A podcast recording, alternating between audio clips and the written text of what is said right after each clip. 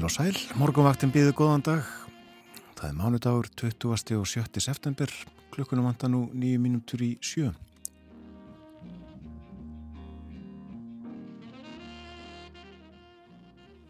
Og við hugum að veðrinu, aðtugum hvernig viðræði á landinu klukkan 6 í morgun. Þryggjast ég að hitti í Reykjavík lötur hægur vindur 1 metri á sekundu og létt skíð og stjörnubjart í höfuborginni í morgun. Lítið upp að þið farið út þegar enn er myrkur. Tvekjast ég að frost á kvanneri, austan 1 metri, fjóra gráður stikkisólmi, létt skíða þar líka, þrýr metrar á sekundu söðustanátt. Þrjár gráður á Patrísfyrði tveggjastega hitti í Bólingavík hægur vindur á vestfyrðunum fimmstega hitti Holma, á Holmavík fjóri metrar. Fjóra gráður á Blönduási þrjár gráður á Söðunni Svita þryggjastega hitti líka á Akureyri léttskíjað og norðvestan 6 metrar fór í 10 metra í mestu kviðu.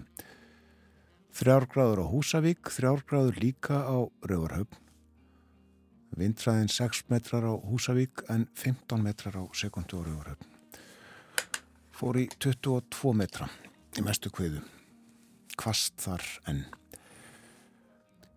Það tryggjast ég að hitti á skeltingstöðum og 3 metrar. Það er tveggjast ég að frost á grímstöðum og fjöllum og 10 metrar á sekundu þar. Fjórast ég að hitti á eilstöðum, 10 metrar, nord-vestanátt, skíjað Fjóra gráður á höfni Hortnafyrði, 8 metrar, en logn á kvískerjum og þryggjastega hitti. Hitti við frostmark á kirkibæðaklaustri, 3 metrar vestanótt. Fjóra gráður á Stórhauða í Vestmannegjum og 4 metrar, norðanótt þar, en þryggjastega frost í Árnesi, logn. Og á Hálendinu tveggjastega frost í Káranhjúka, 8 metrar, þryggjastega frost bæði í veiðivatnarhaunni og á hverjaföllum 6 metrar á sekundu á hverjaföllum og 6 stega frost á sandbúðum.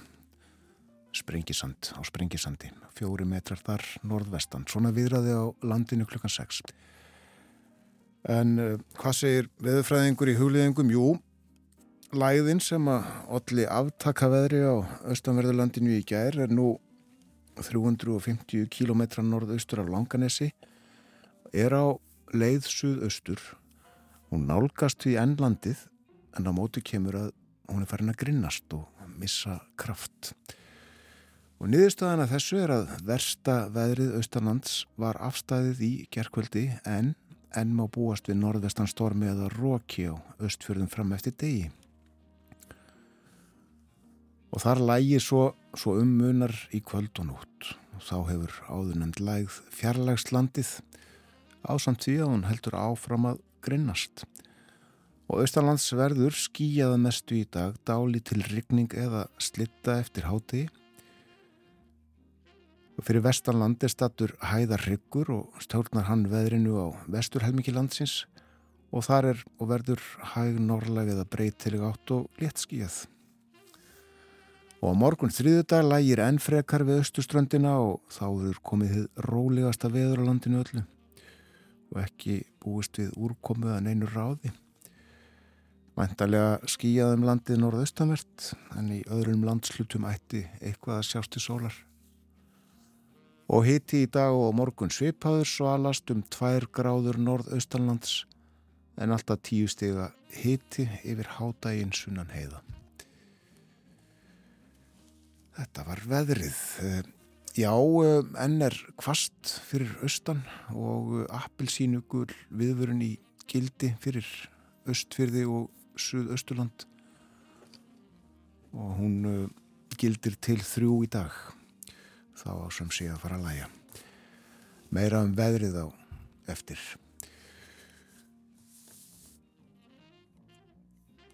Ímislegt á Daskra morgumvaktarinn er í dag Við ætlum að tala um jarðfræði, við ætlum að tala um fjármál heimilana og uh, leitað nafni á nýtt sameinað sveitafélag. Fyrir um betur yfir þetta á eftir. En uh, hlustu nú á lag, hér er, uh, hér er Erla Þorstinsdóttir, Katar okkar.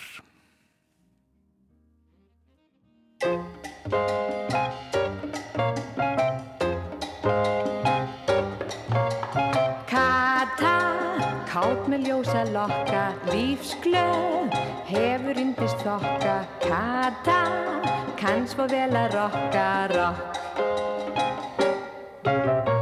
Alltaf meðan dansinn dunar, bjastlind, katan gólfu brunar, elskar, meir en margan grunar, rokk. Hún er smá, hýr á brá, horfið á, sú er kná, allir þrá að sjá. Þegar hún tekur rumpuna og dansar á einni tá. Kata, kátt með ljósa lokka, lífsglöð, hefur undist þokka. Kata, kann svo vel að rokka, rokk.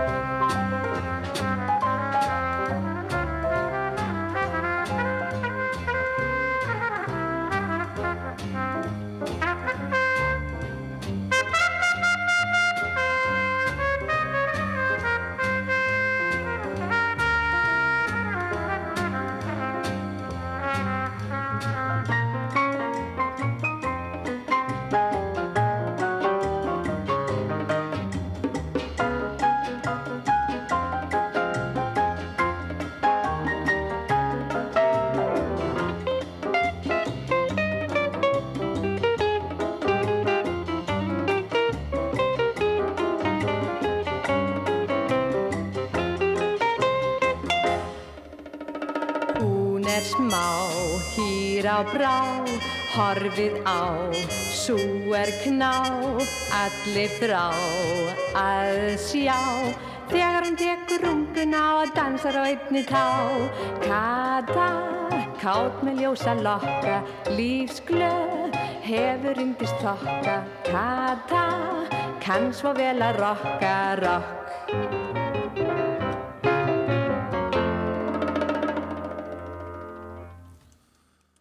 Katar okkar, Erla Þorsteinsdóttir, höfundur lags og texta, Theodor Einarsson.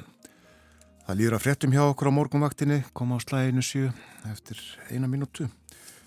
Og eftir fréttinnar þá förum við yfir dagskrá þáttarins, lítum í blöð og sé hvað fleira.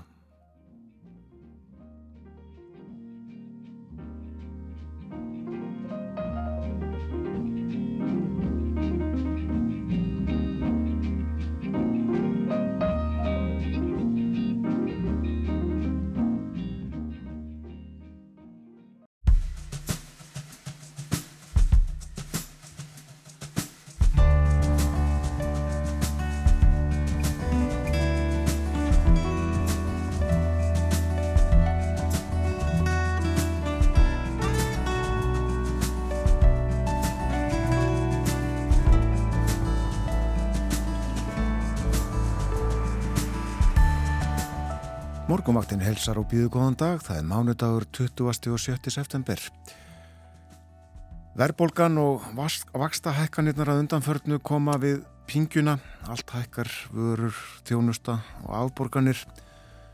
Athugun fyrra árinu síndi að þá átti fjöldi fólks erfitt með að ná endum saman um mánuðamót og sumir alls ekki. Og einsýnt er að fólki þeirri stöðu fjölgi. Ástæðis Helgadóttir, umbóðsmaður skuldara, ræðir við okkur um fjárhagstöðu heimilanna klukkan halv átta. Eldgósið í Meradölum var stittra en jarðvísindamenn almennt byggust við. Gósið hófst 3. ágúst og stóði í tæpar þrjár vikur og síðan hefur allt verið með kyrrum kjörum á Reykjaneskaðanum, svona mestu allavegana. En hvaða þekkingu færði gósið okkur og hvað er líklegt að gerist næst? Páll Einarsson, jarðaðilisfræðingur verður gestur okkar eftir morgunfréttir. Og íbúar Stikishólms og Helgafellssveitar samþyktu í vorað samina sveitafjöluinn. Þið nýja saminaða sveitafélag varð svo formlega til við sveitastjórnarkostningarnar í mæ Og nú er næsta mál á dagskrá að finna nýja sveitafélaginu nafn. Óska var eftir tillögum og 72 bárust. Við heyrum af leit þeirra á norðanverðu, innanverðu, snæfellsnesinu að rétta nafninu. Umsjónamaður morgunvaktarinnar er Björn Þór Sigbjörnsson.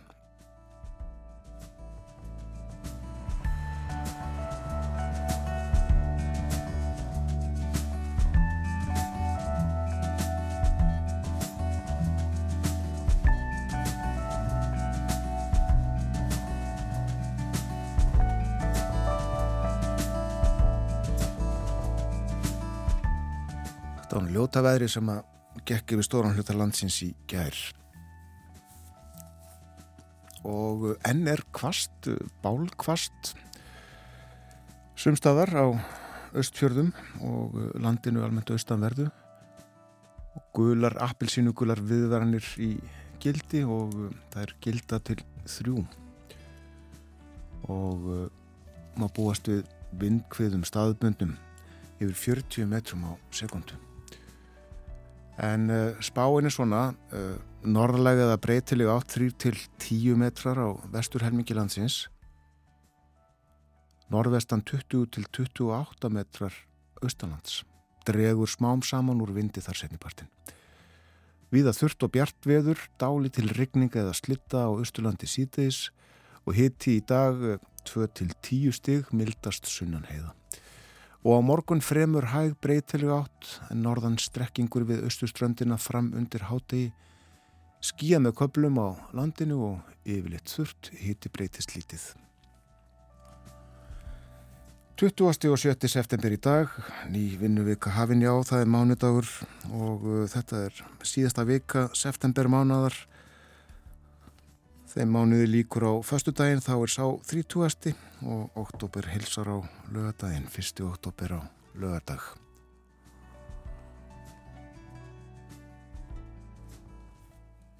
Við lítum að fá síðu morgunblaðsin sem að kemur út eitt dagblaða í dag.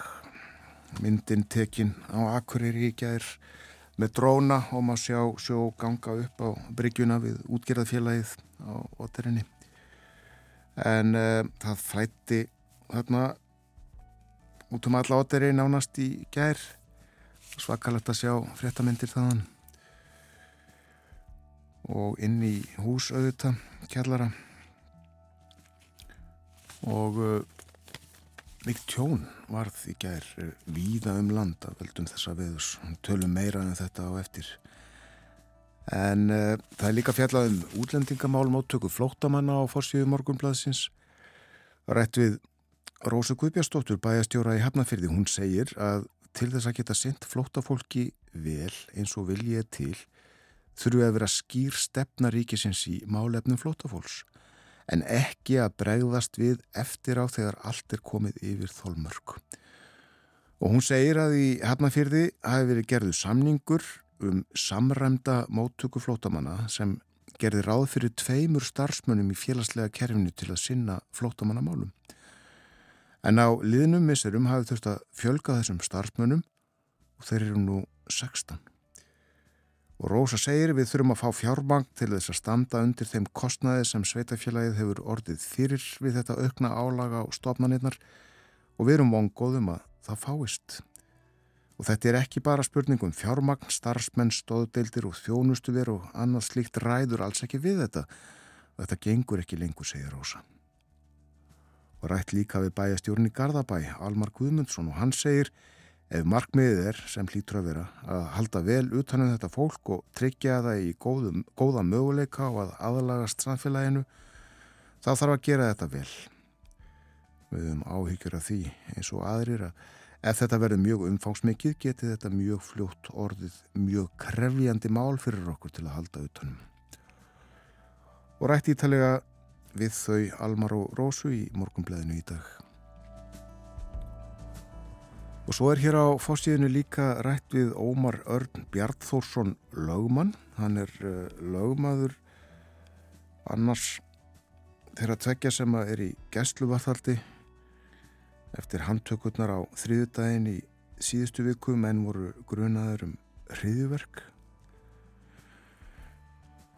og eru líklegast enn en uh, Ómar segir skjólstæðing sinn neyta allir sög. Hann játi ekki að hafa verið að skipulegja hriðverk eða fjöldamorð. Og tekur að auki fram að hann kannist ekki við að maðurinn sé í tengslum við erlenda öfgahópa. Einmitt það. Þetta var það helsta fórsýðu morgunbladsins þannan morgunin.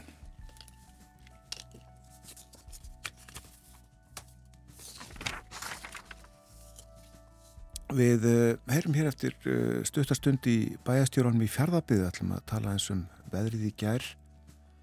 En uh, hlustum fyrst á lag. Fyrir fréttir þá hlustuðum við á Erlu Þorstensdóttur syngja Katarokkar og við leit mín að læginu í safni útarsins raksti á annað lag um rokkandi mannesku nefnilega Konni rokkar og í því bregða Alfred Klausen og Konni á leik Baldur Georgsson búktalari er auðvitað í hlutverki Konna. Hlustum á þetta, Konni rokkar.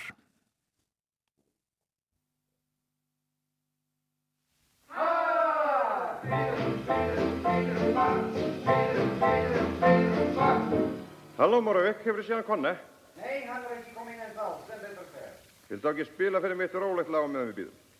Í Haflormstaða skói er ángan einhver líf og dögg á grasi glóir sem gull í allavík. Jæja, ég er komin, setið ríksögurnar í gang. Rokkið hefur heitla mig og hrifið mig á stað og þó að vel ég svitni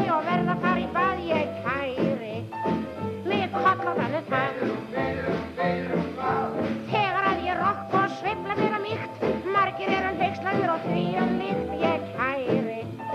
Mig koll og þannig slíkt. Hvað eiginlega að syngja drengur? Þetta er amerísk hjólamaður, en nú ætlum ég að skreppa og ná í nýjan texta. Þú getur gaulað á meðan.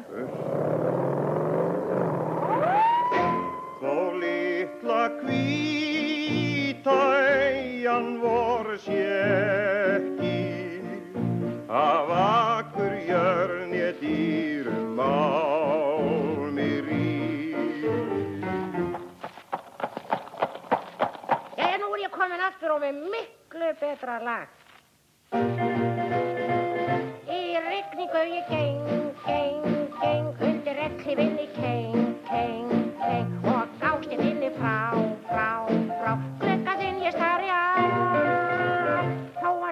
jafn og þétt, þétt, þétt, þétt, þétt, þá er ég hérna út á stjett, stjett, stjett, stjett, stjett og ég það eitt að sjást, sjást, sjást, sjást, sjást, að ég gekk frem af að. Bless, ég fann að segja betra lag. Þannig að rokkaðu drengur.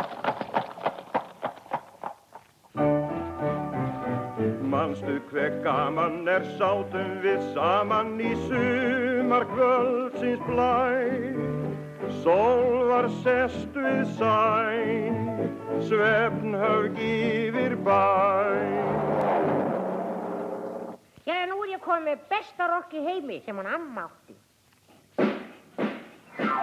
Einn og tveir og tveir og rokk, fjóri, fimm, sex, sex og hálfur og rokk, sjö, átta, níu og tíu og rokk og sitt rottning kongur ást, sýndu með flækjast hvorn ég starta og stað, í strætó er kvöss og gaman á, þegar sumir vetta sitt og hvað, og skipt er dýr, já, eitt, tvei, þrjú, og allt í vakt og vettust líf í bíl. Einn, tveir, þrýr, kindur, kýr, Fyrst í annar byrji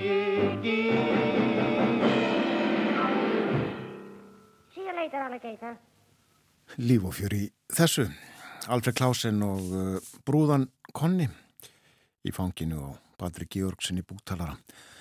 En það var ferlegt veður á stórum hlutalandsins í gær á öllum austari hluta þess held ég að mér sé óhætt að segja og þá ekki síst við austurströndina. Tjón var mjög víða, sjórflættiðin í húsa á Akureyri, rúður brotnuði í bílum á Möðrudalsöðræfum og hús eðilaðist á Seyðisfyrði, svona svo dæmisjöu nefnd og læðin gerði mikinn usla í fjardabíð Jón Björn Hákonarsson, bæjastjórið í símanum, góðan dag. Já, góðan daginn. Já, uh, hefur þú náð utanum afleðingar við þessins í gerð? Já, ég er nú einmitt var að, er einmitt var að leggja síman á eins og maður segir, var að tala við mitt fólk eh, heima. Ég er sjálfur stattur, var stattur á vegum sveitafélins Erlendis vegna innabæðamóts, en fylgist með ekki að er og það, við erum ekki búin, við sjáum þannig að það er, það er tjón, eitt tjón í öllum hverfum og gerðabeyðar, en náttúrulega hverki eins og að reyða fyrir. Þar var náttúrulega verulega mikið eignatjum gær og uh, það er svona verið að ná utan og það er ennþá í dag en, en, en það, það, það er það skemmtust uh, sérst í fjölminni, það skemmtist eitthvað bröggónum við strísóðsafni slögt mikið, það skemmtist skemmur í miðbænum, slökkustur okkar úti á mjóarhöfn og reynda barn við á því mjóarhöfn það er smálverið, það eru mikla skemmtir mjög mikla skemmtir á, á mannvirkjum. Og þannig að þetta, er, þetta, er, þetta var með ólíkindum þetta veður og, og, og sínilega áttinn á þessi þannig að hún var hvað best þar og þetta þannig að það verður örgulega dagur í dag undir að ná utan með allt saman og, það er ennþá bólkvast segir fólkur heima. Já. Þó að hafi séð skára mikið og svo sagði meitt í borgu sem ég talaði við þetta er svo skondið að sko, mann þetta er alveg nóg dagstæðlega en þetta er svo mikið betur en þetta verður verið gær Já, einmitt. Það segir sitt um uh, veðrið að, að uh, þarna já, skemmtist brakki sem hefur staðið frá stríðsarónum. Já, frá stríðsárum og staðið sér ímislegt. Það er við, við stríðsárum safnaröða fyrir standa þrjú brakkar sem einn er búin í uppgerð og það er svona að vinni því að gera þá upp og hafa staðið af sér ímisveður en, en, en þeirra hann er stóð skemmtur eftir, eftir, gegn. Og tré líka sem að staðið hafa í ára tví. Já, tré í ára tví sem hafa staðið af sér hérna, allar storma, það, það, það er mjög mikið skemmtum, mjög mikið að bróta trjám í görðum og, og þetta er eins og ég segi, það, ég heyri þá reyðfyrir sem ég tala við menn mun ekki eftir svona veður hann þar á og hérna í banna minnum eins og maður segir. Þannig að hérna, þetta, var, þetta var verulega okkur og eins og, eins og, og, út um allt Ísturland svo sem ég gær og, og hérna og tölvöld mikið tjón og þannig að maður svona, maður er svona þetta var erfitt að, að, hérna, að hérna, fylgjast með og, og og sjá, sjá hversu mikið, hversu erfið, hversu grátt meðri leika okkur og þetta er ekki gengið alveg niður og það er kannski þess sko.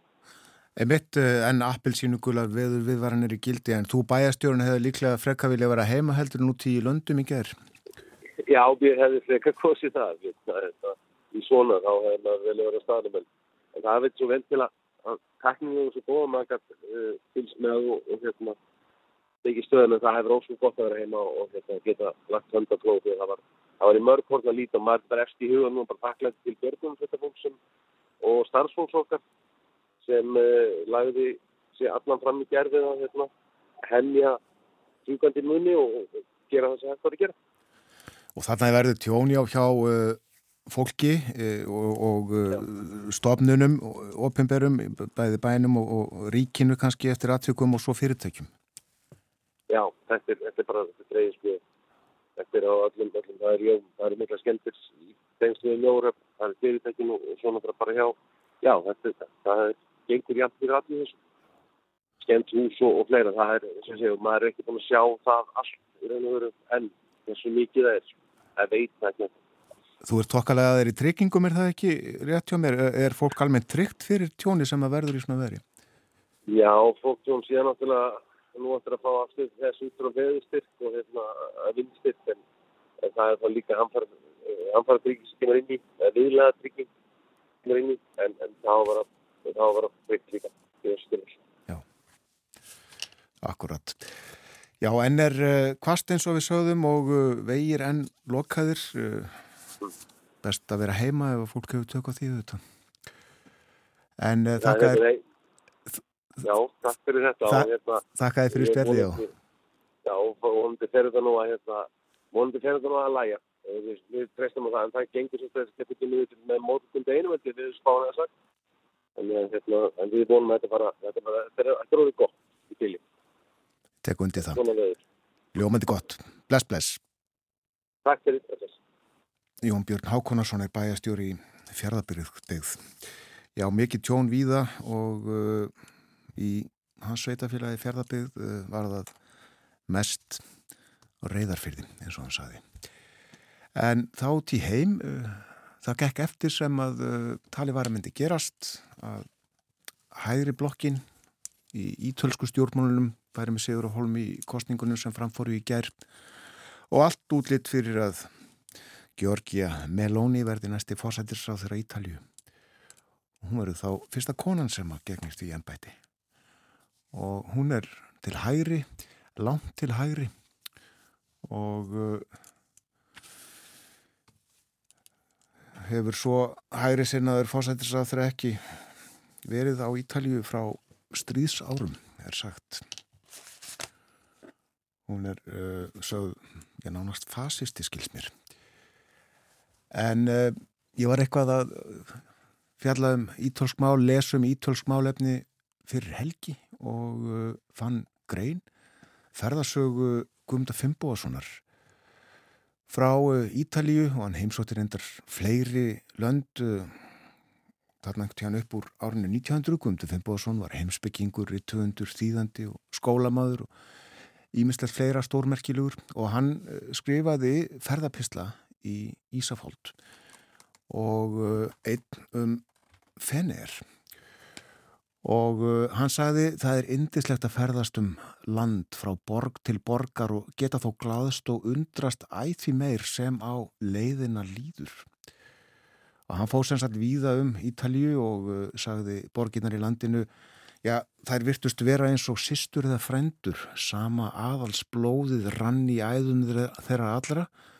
En hver hafði sinn fegur að þokka sína töfra við vorum ástrifnir af þeim öllum og erfitt að gera upp á millið þeirra. En uh, eigi nú að segja fyrir sjálf og mig þá held ég að uh, Venísía, hann kallaði Fenniðar í mist uh, Venísía eða Fenniðar, verði mér hugstaðust, mér fannst hún einkennilegust og ljúflindust af öllum þeim ítölsku sistrunum sem ég sá.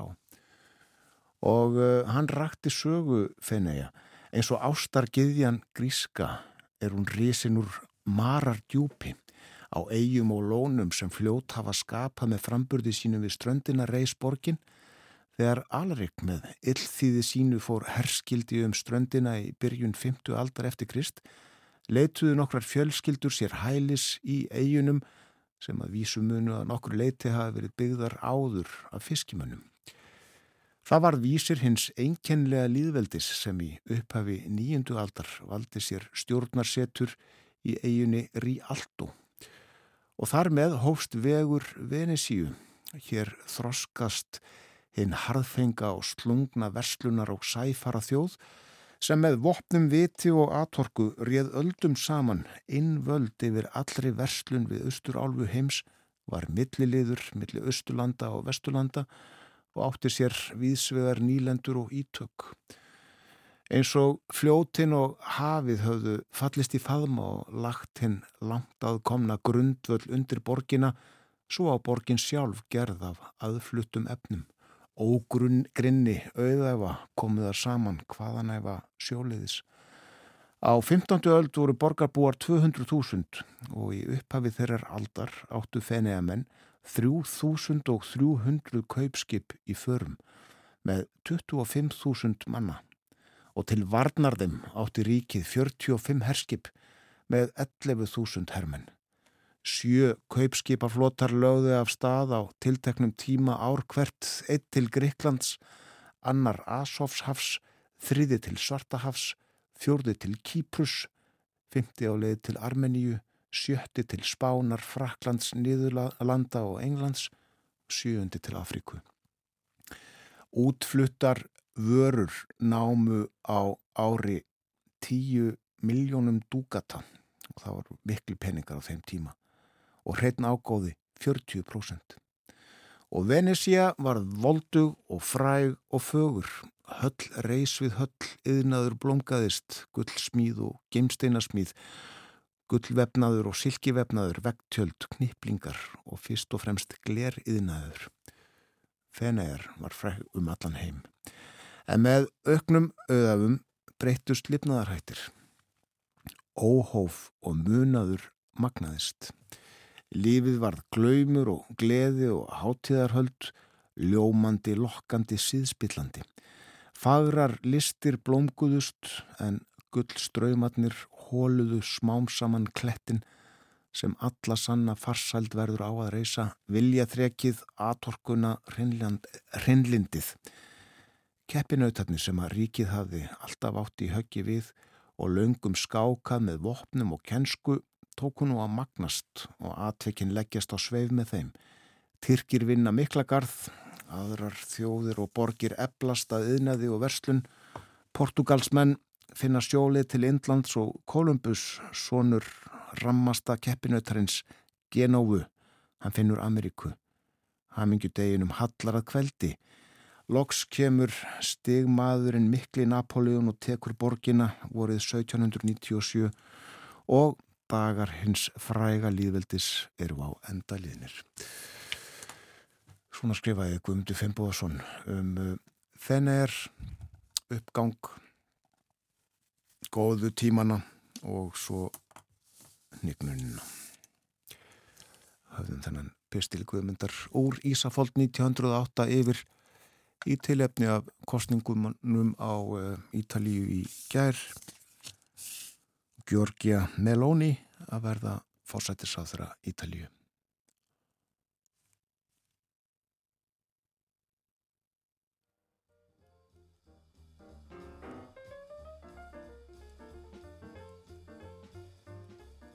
Það líður að yfirliti morgunfrétta hjá okkur á morgunvaktinni. Eftir yfirlitið verður ástæðis Helgadóttir umbóðsmaður skuldara, gestur þáttarins.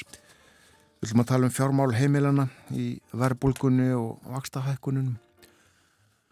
Eftir morgunfréttir verður Páll Einarsson jarðeðlisfræðingur gestur þáttarins. Við viljum að spjalla svolítið um eldgósið í meradölum. Og uh, svo melli hálf nýju og nýju hvað á nýtt sameinað sveitafélag Stikkishólms og Helgafellsveitar að heita. Rafnildur Hallvarsdóttir fósiti bæjastjórnarverður á símanum, í símanum hjá okkur.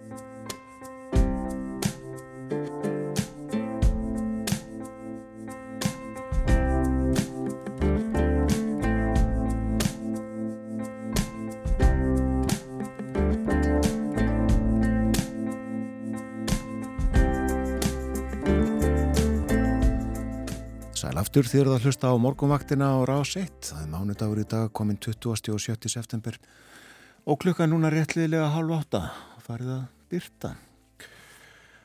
En uh, það er enn bálkvast á östfjörðum og suðausturlandi og appelsínugular viðvaranir í gildi og það er gilda til þrjú í dag og má búast við vindtraða uh, jafnvel 40 metrum á sekundu í kviðum staðbundið en uh, spáinn hún er svona norrlæg eða breytileg átt 3-10 metrar á sekundu á vesturhelmingi landsins en norðvestan 20 til 28 á Östurlandi dregur smám saman úr vindi þar setnipartin Víða þurft og bjartveður, dáli til rigning eða slitta á Östurlandi sítegis og hitti í dag 2 til 10 stig, mildast sunnan heiða og morgun verður fremur hæg breytileg átt, norðan strekkingur þó við östuströndina fram undir háti og skýja með köplum á landinu og yfirleitt þurft og hitti á morgun svipaður og í dag.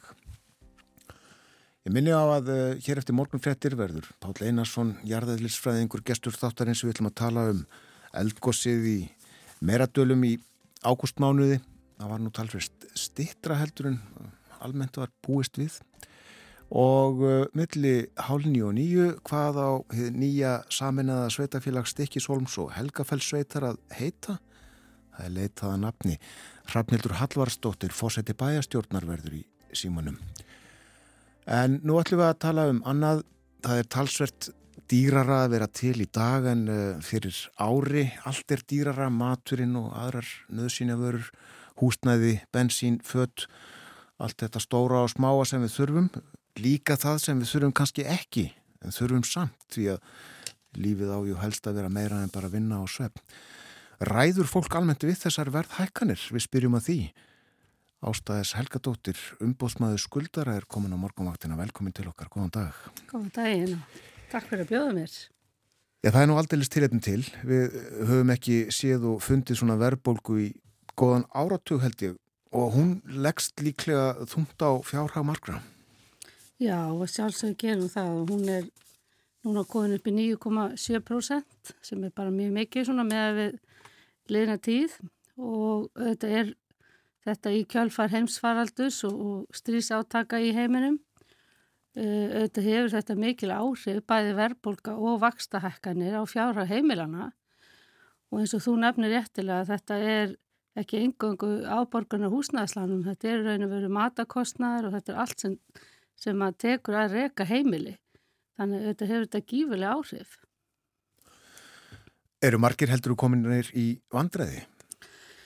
Eh, ef við kannski bara tekja okkur að það er ekki, við erum ekki að sjá það hjá okkur ennþá, en auðvitað ef að framfessum horfir að þá eru mikla líkur á því að það lendur margir í vanda af því að við sjáum til dæmis að, að það er nú bara nýkomi hérna frá Velas eftir þetta ASI að þá verið að tala um að mánarleg útgjöld heimila að hækka um 25 til 127.000 krónur á einu ári.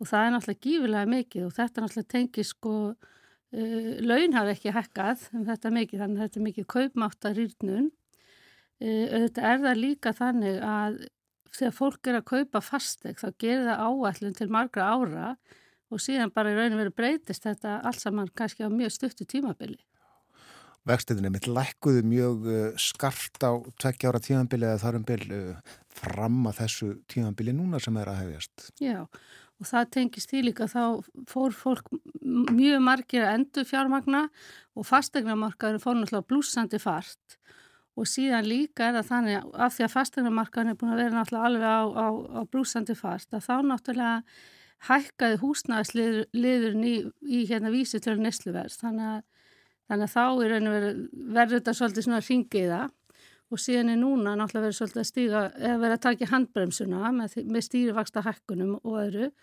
Þannig að þetta er mjög sérkennli stað eins og neyri dag. Það voru margir í talsverðu vandraðum áður en að þetta fór alltaf af stað uh, núna fyrra á þessu ári. Marg mörg heimili, við notum það hugtak sem að það sem að erfitt var að ná endum saman hver mánuðamótið þegar ekki.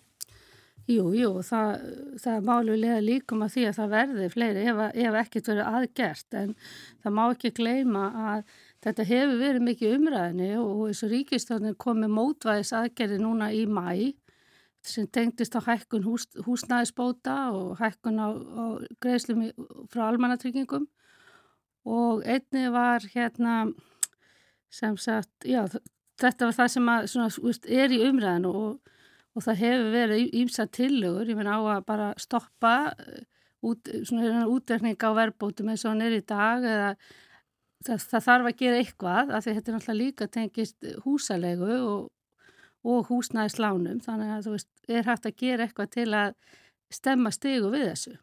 Síðan hafa líka Vestlanir komið fram með að hækka ekki vöruverð, það er ákveðin vestlæði sem að koma fram með það, þannig að þetta er eh, bara, bara pólitíkin og annað að skoða hvað hægt er að gera því þetta lendur þetta helst á þeim sem höllestin fæti standa. Hvað er best að gera fyrir þá hópaði mitt? Já, það er náttúrulega spurning með alls konar aðgerri gegnum skattakerfið. Það kom líka þannig mótvæðis aðgerðunum barnabóta auki og annað og er, veist, það er eitthvað svona sem kannski ég myndi telja að sé á borði ríkistjórnarnar hvað er und að gera og veit, er þetta eitthvað sem tengis bara okkar samfélagi og pólitíkinni. Ég menna það eru hugmyndir og alþengi um einhver aðgerði á til að styðja þá sem að lenda í vanda því það er náttúrulega bara samfélagslegt vandamál. Og þú fylgist með fjallagagerðinni og, og uh, meðferð fjallaga frumansinn í fjallaga nefnd auðvitað? Mm -hmm. Já, já, það er bara, það er eitthvað sem við fylgjumst með og erum með svona puttan og púlsinum en auðvitað varðandi mitt embatti sem sagt umbóðsmann skuldar að það er, við erum ekki fann að sjá ennþá þessar afleðingar af þessu verðbolgu og öðru en við, erum, við sjáum mikla fjölgun og öryrkjum hjá okkur og mikið um svona félagslega vandamál og annað þannig að, að við erum kannski ekki fann að sjá þetta ennþá en við komum svolítið svona eftir á. Fjölgar sem sagt þeim öryrkjum sem að leita til ykkar? Já, það, það hefur verið verið fjölgu núna undanfærin ár og við erum komin til dæmis núna á þessu ára eru 42% umsækjanda eru öryrkjar. Það er bara til dæmis ef við tökum bara frá árinu 2016 þá er það 28% þannig að það er verileg fjölgun og við sjáum það er einmitt líka að greiðslu geta hefur minga verulega. Þannig að þetta er, þetta er þróun sem við verðum að vekja aðtegla og áttum bara góðan fund til dæmis með öryrkjabandalennu daginn og, og hérna þetta er eitthvað sem ég til að vera mjög mikilvægt að skoða. Mm. Dregun einhverjar álíktanir af þessu? Ég held að, að við þurfum bara að horfa á stöðu öryrkja í samfélaginu og þeir geti lifa mannsamandi lífi þannig að ég held að þetta sé bara einhvers vísbending að því að hjá okkur erum við í mikill greining að vinna, við erum að greina fólki sem kemur til okkar og stöðu þeirra og, og ég held að þarna sé eitthvað sem við þurfum bara að, að skoða betur. Já. Eh, er það almennt eh, frekar sko efna minna fólk, uh, fólk með lægri laun sem að leita til umbásmann skuldara embættisins uh, eða er það fólk með bara mjög góða tekju líka sem hefur bara hreinlega komist í einhver vandræði? Þetta, hef, var náttúrulega kannski meira eftir hrun sem var svona kannski fólk með betri tekjur en við sjáum í dag það er fólk með lálaun, lágatekjur og, og fólk í oft í miklu vanda þannig að, að svona félagslu vanda líka þannig að þetta er, má segja orðin ákveðin stöðuleiki hjá okkur varðandi það. Hvað getur þið ráðlagt fólki? Já, við höfum náttúrulega ákveðin verkværi sem, að, sem að við, við erum að nota. Það er náttúrulega fyrstulega bara ráðgjöf, þar sem að reyna að leita samninga við kröfafa. Síðan erum við lögbundi úrraði sem er greiðslu aðlögun og síðan erum við fjárhæs aðstóð til greiðslu skiptakostnar þegar fólk er komið alveg í þrótt og þar er reynið verið óska bara eftir gæltróti. E, Greiðsla aðlugan er líka eitthvað sem ég til að þyrti að bæta. Það er úrræði sem kom eftir hrun árið 2010 og við erum einmitt líka alltaf við gætikla því að við þurfum svolítið að slýpa löggjöfuna með nú, hópin sem er hjá okkur núna. Því þetta er raun og verið mjög gott úrræði og, og er ofsað svona það ljós við enda gangana. Þú nærða að jafna, stilla saman skuldum og tekjónu þínum. Þannig að Við erum mjög mikið að veikja aðtegla því að það þarf ákveðna lagabreitingar. Segð okkur betur frá þessu fyrirbæri greiðslu aðlugun. Já, þetta er raun og veru kom þarna árið 2010 og er, er úrræði sem er til aðstofa fólk sem er lengt bara í miklu fjárasvanda og er í raun og veru til að hindra að þú fari í gæltrútt og í þessu ferli er verið að leita samlinga við kröfuhafa um stundum algjöru eftirgjöf á kröfu sem myndi aldrei geta borga og þá náttúrulega farið inn í félagslega stöðu, tekjur, tekjur möguleika, eh, það er náttúrulega mikið um fólk sem er bara veikt og þannig eru við þessi milliliður við kröfuhafa en þetta eru frjálsi samningar samt sko og hérna og það, við leitum lega til að finna bara lausnir á þeirra fjára svanda.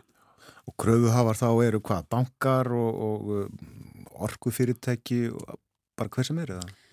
Já, það er nú eiginlega staðan þannig í dag að ríki sjálft er stærsti kröfuhafin. Já, svo leiðis. Það er skattaskuldir og það er, það er uh, hérna mentasjögun ámsmanna og hérna meðlaskuldir þannig að það er, eiginlega, það er stærsti kröfuhafin og það er einmitt það sem maður þyrst að gera. Við þurfum að fá ríkið að borðinu af því að annars náum við ekki hilda lausn.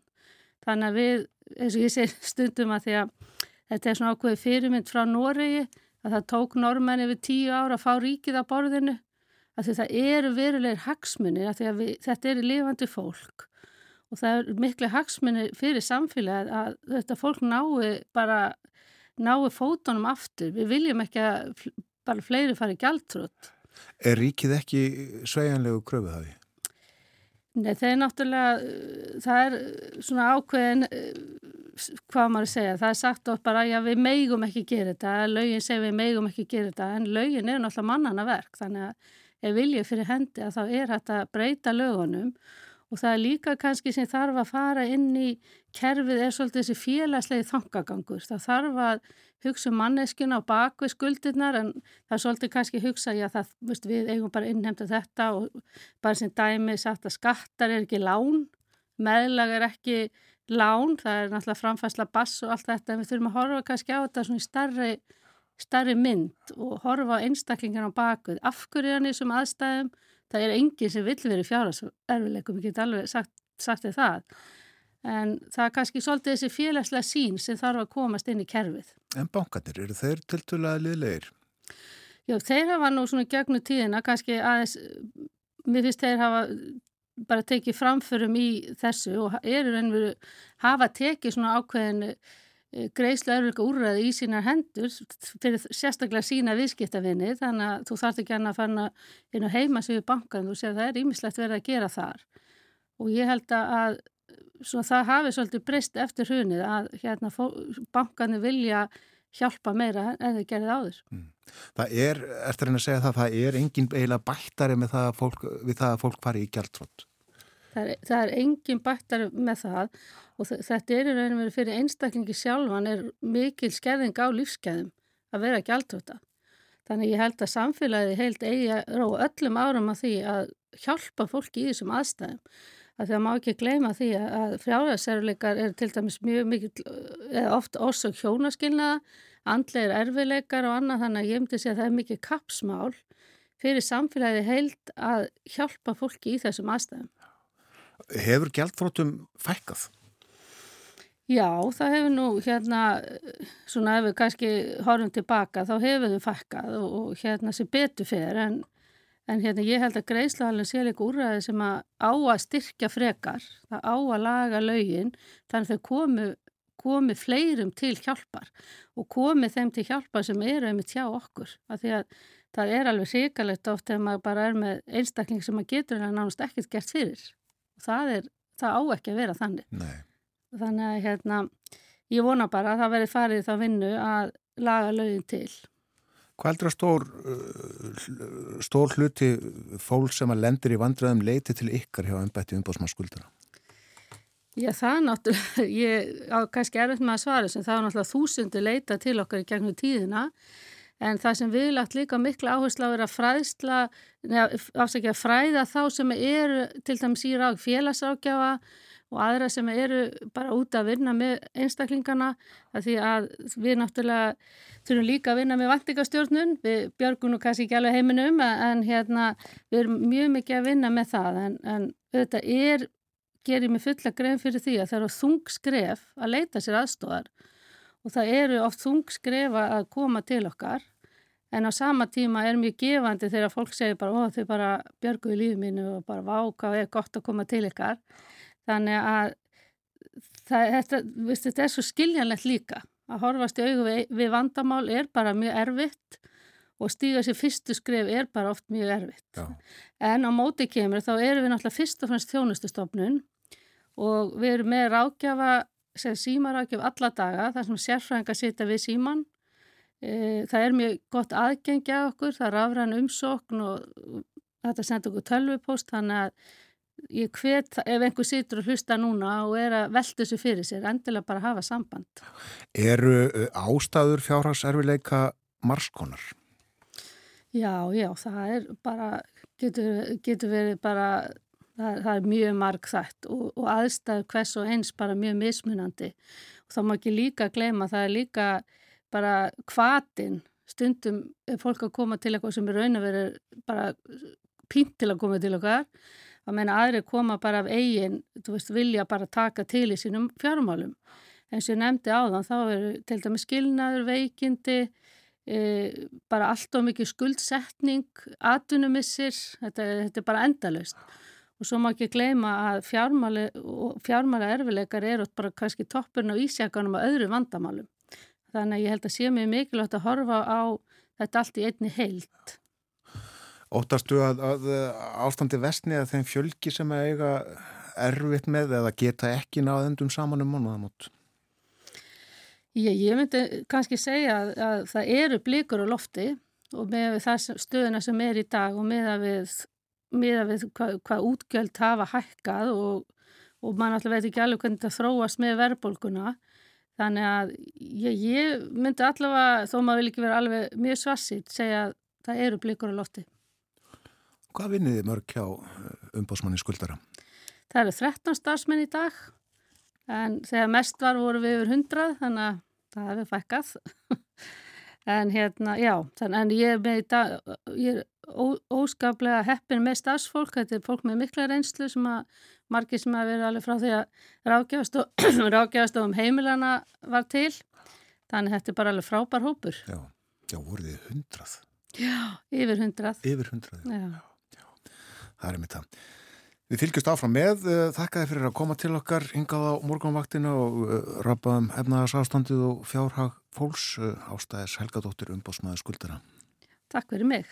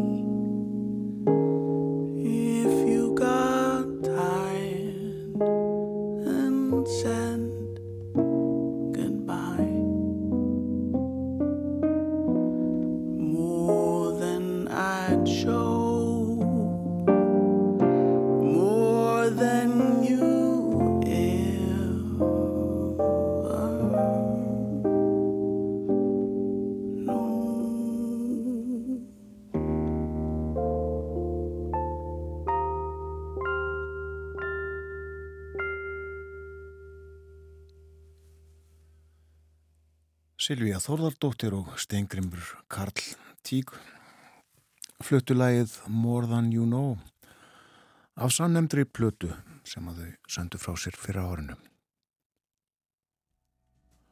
Umbósmaður skuldara var hér áðan ástæðis Helgadóttir. Við töluðum um fjármál fólks. Það eru margir í vandraðum og uh, líklegt að uh, margir lendi í enn frekari vandræðum eða þeim fjölgir sem lenda í vandræðum komast í vandræði, fjárhags vandræði í verðbólgunni og vakstahækkununum. En framöndan eru fréttir hjá okkur á morgumáttinni.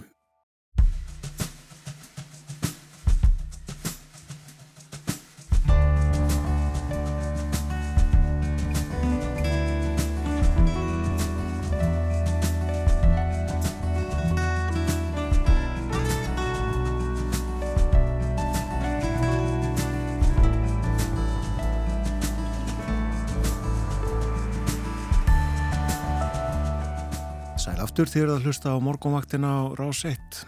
Klukkan farin að ganga nýju. Það er mánudagur í dag komin 20. og 7. september. Umsjónamaður þáttanins þennan morgunin Björn Þór Sigbjörnsson.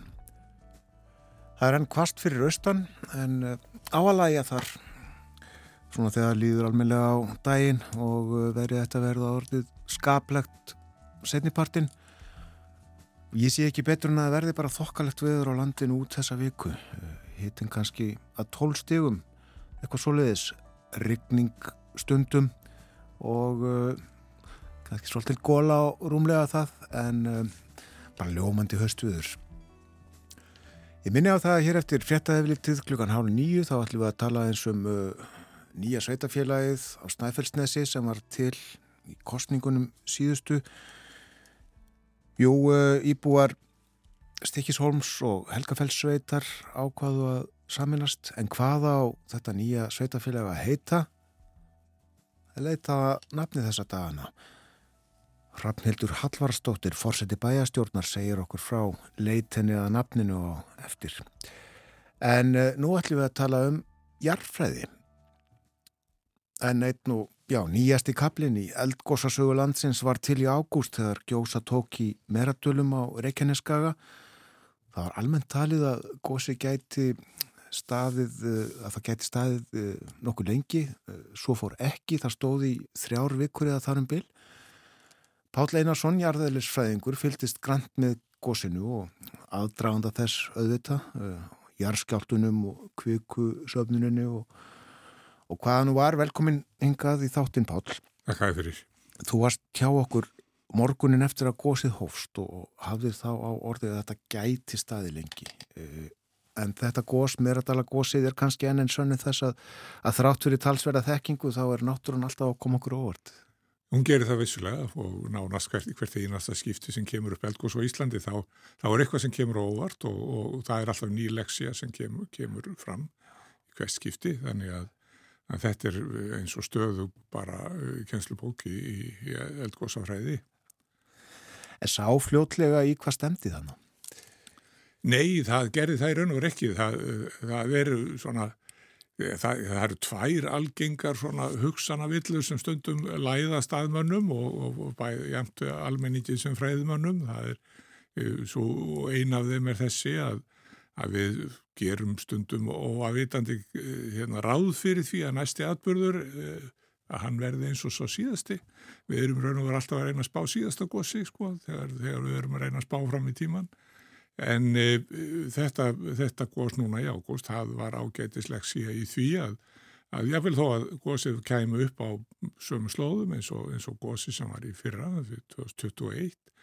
Já, þá var þetta bara allt öðruvísi gos. Það, það, hérna, hagaði sér öðruvísi og, og það e, byrjaði með svona talsverðum, talsverði sveiflu en, eh, en dróð mjög fljótt úr því. Og þetta var akkurat auðvist við það sem gerðist 2021. Það byrjaði með álgerðum eh, ræfildómi og, og, og sótti svo ísi veðri. Þetta, þetta, þetta var auðvugt og svo síðan náttúrulega uh, tók það fljótlega stöðuga stefnu og, og svo loknaðist það bara hreinlega út af eftir, eftir 18 daga.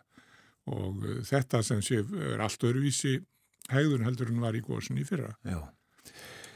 Þetta, þetta, var, þetta er önnur, önnur hugsan að villan og hinn hin er svo að, sem er kannski stundu verðiðari að, að þegar byrja gós þá draga þau til sín alla aðtegli og, og, og eru vissulega mikið sjónarspil. En uh, okkur til, uh, hætti til að, að líta þá svo á að, að þetta atbyrðurinn sé í raun og veru þetta eldgós og allt annað sé annarkort bara undanfari gossins eða eftirreitur eða eitthvað þess aftar. E, öll, allt það sem við hefum lært síðustu áratögina kennir okkur að, að, að svona hagar þetta sér ekki, þessi goss sér í, í gossbeltunum eru yfirleitt bara hluti af miklu stærri atbyrðarás og þessi atbyrðarás er að mestuleitin eðajarðar og sérst ekki, þá kemur fram á mælum og, uh, og það er nöðsynleg uh, og það er nöðsynlegt að fylgjast vandlega með til þess að átt að sjá því hvaða uh, sviðsmyndir koma til, til greina. Það kemur til söguna þessi, þessi svona sviðsmynda kenning, það er að segja að, að, að gera ráð fyrir alls konar sviðsmyndum sem, sem koma til greina og reyna síðan að meta hver þeirra sé upp í hverju sinni og, og þann, í þeim sporum stöndu akkurat núna. Það, það er að segja að uh, gósi er lokið, síðasta gósi er lokið en uh, uh, það er atbyrðaras í gangi, hún er neðanjarðar og til þess að fylgjast með henni þá þurfum við næm mælitæki og nú vil bara svo vel til að við ja, tæknin hefur fleikt fram, við, við búum yfir mjög fullkomnum uh, mæli kerfum til þess að fylgjast með því sem gerist neðanjarðar. Og hvað getur þú sagt okkur um það sem er á segði þetta núna? Það er uh, svolítið vandi vegna þess hvað, hvað þessi atbyrðar á sér all svona frekar dræm þó hún sé svona stundum mjög ákveðin og þá er inn á milli, inn á milli þátt að þá, þá er hún mjög hæg og, og sérstaklega það, það er djúft á henni. Það er það sem kemur helst fram í, í þessum mælingum öllum að, að það sem er að gerast núna er djúft niður og það þýðir að, að þýðir að merkin sem við sjáum á yfirborði eru döf, þau dreifast yfir aldrei stórt svæði og uh, það þarf þessum alltaf tíma til að átta að sjá því hvað, hvað þannig að mælitekkin sé að fann að sína raunverulega það sem, að, það sem er um að, um að vera. Hversu djúft þetta niður er þetta að gerast? Það, þetta er svona í kringun 20 km dýpi sem, sem, sem atbyrðunir er að gerast núna um þessa myndir og, og e, það sem við sjáum á yfirborði er, er mjög veikt og, og erfitt að átt að sjá því. En e, við verðum eiginlega að gera ráð fyrir að það sé eitthvað svipað eins og gerðist á millikosana e, e, þá var kvíkusöfnun á þessu dýpi svona 17 til 25 km dýpi undir faradalsjalli og uh, við þurfum ennþá að býði kannski nokkra vikur til þess að sjá ótýrað merki um þetta. En uh, uh, það bendir nú svona flest til þess að það, það sé akkurat það sem er að gerast núna. Já. þó við sjáum ekki, þessi merki er ekki skýr. Og það, þess vegna þegar jarðvísindabennur spurður þess að dana þá, þá verða svörin mjög loðin og, og menn treysta sig kannski ekki til þess að segja, spá mikið um, um framtíðina. Já, já, ég verð nú að spyrja þið samt að þessu á eftir hvað mun næst gerast en, en já, 20 til 25 kilometrar, það er dágóð uh, lengd af yfirborði og, og jafnlaung á dýftina þarna á þessu að Við getum ímyndað okkur hversu djúpt þetta er. Já, það, eh, það er hins vegar eh, hérna, svona huggun harmi gegn að, að það er nú líku til þess að áðurnu kvikana er til yfirborðs að þá munu hún reyði að setja rúms á minna dýpi og ge- hún færist þá upp og hinga til þá höfum við séð nokkrum sinnum uh, merki um þetta og, og uh, það sem við lærum að því er það að, að Fagradalsfjall er ekki bara, er ekki eina eldstöðakerfi sem að tekur þátt í þessar atbyrðarás. Það er líka eldstöðakerfi Krísuvíkur og eldstöðakerfi Svartsengis og uh, það er uh, það er það sem ég meina, meina með hinni hugsanavillunni sem sé að, að uh, þessir atbyrðir eru miklu stærri heldur en bara þessi tvö litlu gós við Fagradalsfjall. Það er að segja að það er fjórum sinnum mælst kvíku uppstreymi fyrir vestan Þorbjörn í sem sé eldstöðakerfi Svartsengis og að minnst okkurstu einu sinni núna síðustu, síðustu, síðustu árin, síðustu þrjú árin í, við Grísvík og þannig að, að það eru í raun og all fleka skilin alveg uh, frá sé kleifarvatni og vestur úr um, um, uh, um sé Trölladingju, uh, Grísvík og, og Færdarsfjall og síðan Þorbjörn og Svartsengi og alveg vestur fyrir Reykjanes. All þessi flekaskili eru sé á yði og hafa verið það núna síðan, síðan uh, í desember 2019. Já. Hvað, uh, hvað gerði þá uh, þetta gós í ágúst í þessu öllu saman? Sko, er þetta bara einhvern svona pínulítil spennulósun eða, eða hvað? Það var í, sjálfu sér, sko, þegar, þegar kvika kemur upp í, í þessa brotgjörnu jarðskorpu sem ofan á líkur og í efstu kílometrum þar, þegar kvika kemur þangað að þá minkar snöglega styrkur jarðskorpunar. Þegar hún fær svona vökva inn í sig og vökvin hann veikir allt. Eins og allir vita þegar, þegar hérna blotna göttuna þá er erfið að bremsa bílinn og jarðskorpan heldur ekki þeirri spennu sem hún hefur. Og þá losnar hún og, og hún losnar þá í jarðskjaldum þannig að kvíkan hún kemur á stað jarðskjaldavirkni sem að í raun og veru hefði kannski orðið ykkur tíma setna en það losnar um þegar, þegar kvíkan kemur mætir á svæðið og það veldur því að, að þessi kviku innskot þau valda stundum eða, eða virka eins og gikkur á skjáltavirknina.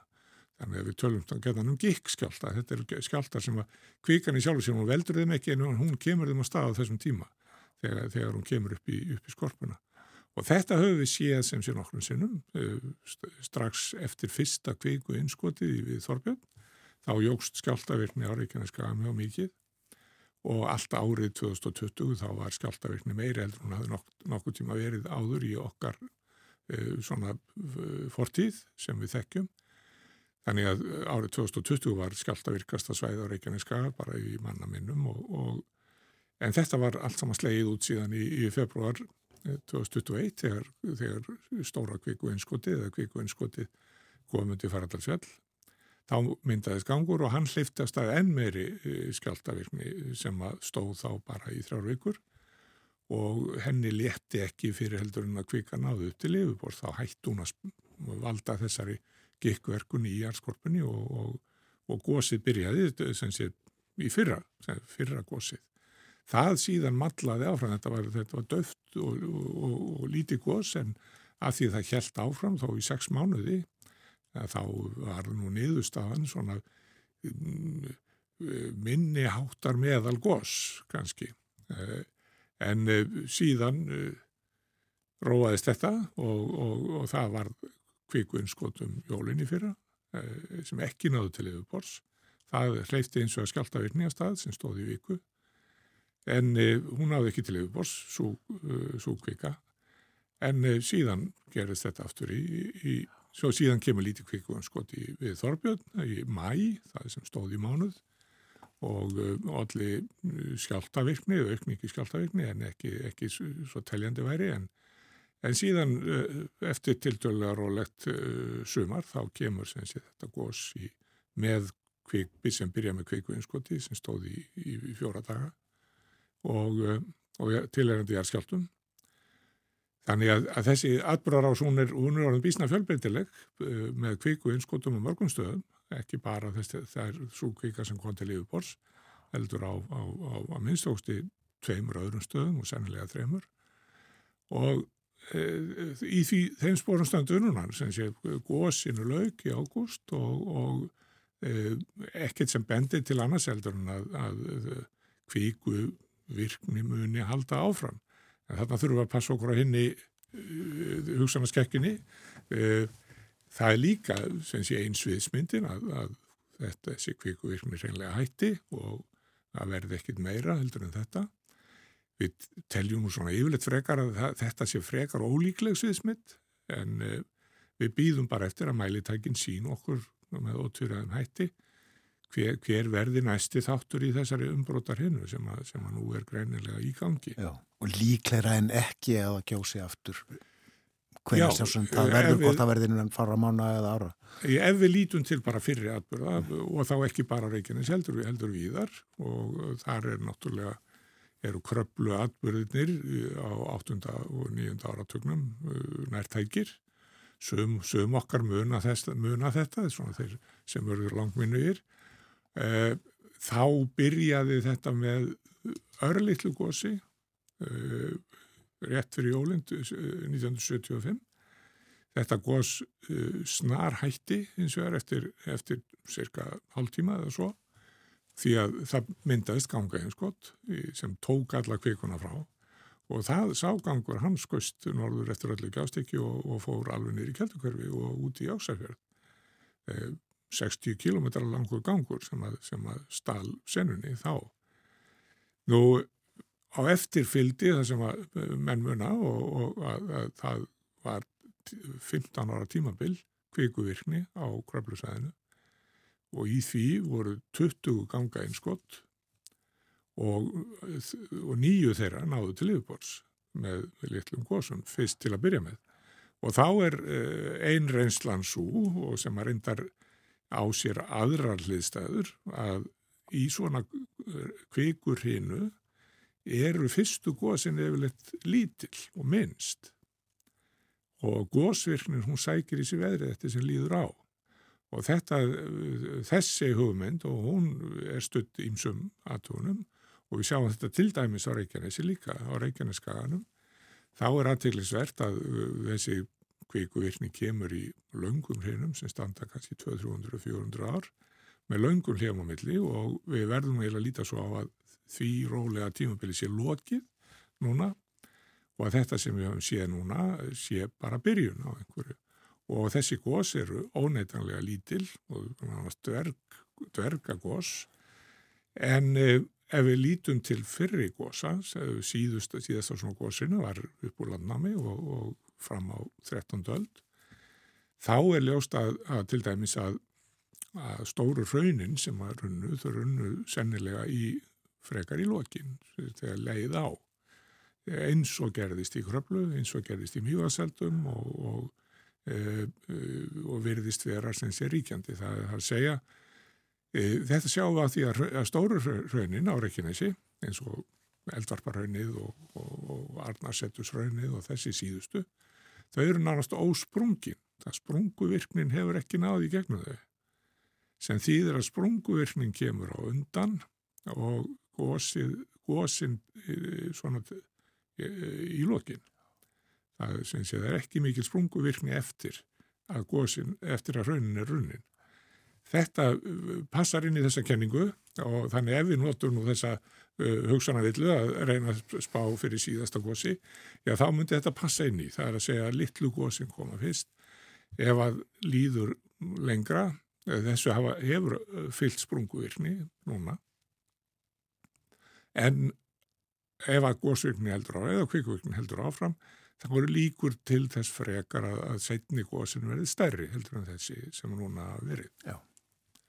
Þetta eru svona í mjög stuttum áli sko, svona reynsla fortíðarina sem kannski segir okkur eitthvað en e, við megum ekki heldur gleyma því að þessi góðst þarna við Fardalsfjall, þau koma á óvart og af hverju? Það vegna þess að Fardalsfjall hefur ekki góðsið í 6-7 ár. Það hefur ekki tekið þátt í þessum fyrir er til dæmis þessi hrinna sem endaði árið 1240 Fardalsfjall stóð hjá og algjörlega rólegt og þar gauðs ekki neitt. Og þetta hefur gerst aftur og aftur hinn eldstöðakerfin á Reykjaneska hafa verið miklu virkari. Þannig að þetta er í raun og veru svona latasta eldstöðakerfi sem að núna hefur tekið við sér. Já, þráttur í þekkinguna söguna, þá kemur náttúrulega nokkur alltaf á óvart Þetta verður Reykjaneskaga, getur þú hér í blá lokin Páll aðeins talað um óróan úti fyrir Grímsei um daginn, er allt með kjörum kjörum þar núna? Ekki alveg, þessari hrínu, þessari skjáltarhrínu sem, sem byrjaði um daginn, henni er ekki algjörlega lokið og, og það er enn en svona fyrringur á, á þessu tjörnesbrotabelti sem að þarna, þarna lætu til sín taka. Þetta er, þetta er mjög merkilegt svæði, þetta er, þetta er í raun og veru er þetta speilmynd af Reykjaneskaðanum, þetta belti sem þarna tekur til, það er grímsegjar beltið, það er, er þarna á, á hafsbótni að mestuleiti og er algjörlega. Og er svona eiginlega, ég getum sagt, sýstur svæði Reykjaneska, það eru bara tvö af þessu tægi hér á landi. Það er að segja svæði það sem að geta orðið bæði stórigarskjáltar og eldvirkni. Yfirleitt er þetta aðskilið. Það er að segja stór, stærstu skjáltarnir á sömum svæðum, eldvirkni á öðrum svæðum og eldvirkni fylgja yfirleitt ekki stóri skjáltar en og stórum skjáltum fylgir yfirleitt ekki eldvirkni nema á þessum tveimum svæðum. Það er að segja Reykjanesi og Gríms, við Grímsi. Og þannig að e, e, hrínur eru algengar þarna og e, við Grímsi og enn sem komið er hefur ekkert bent þó til þess að því fylgin en kvikuvirkni. En þarna bregðast okkur eftirlitskerfin því að þetta er náttúrulega hasbótni. Við höfum ekki eins gott eftirlit á, á Grímsiðabeltinu. Þakkaði kellaði fyrir að koma enga á morgunvaktin í dag, Pál Einarsson. Takk svo mleiðis. Jærfræðin. Við höfum áhuga á henni í stendingar. Aldeilis. Frettaði eflitið framöndan hjá okkur á morgunvaktinni, fyrst auðlusingar. Svo er það nafn á nýja sveitafélagið á Snæfellsnesi.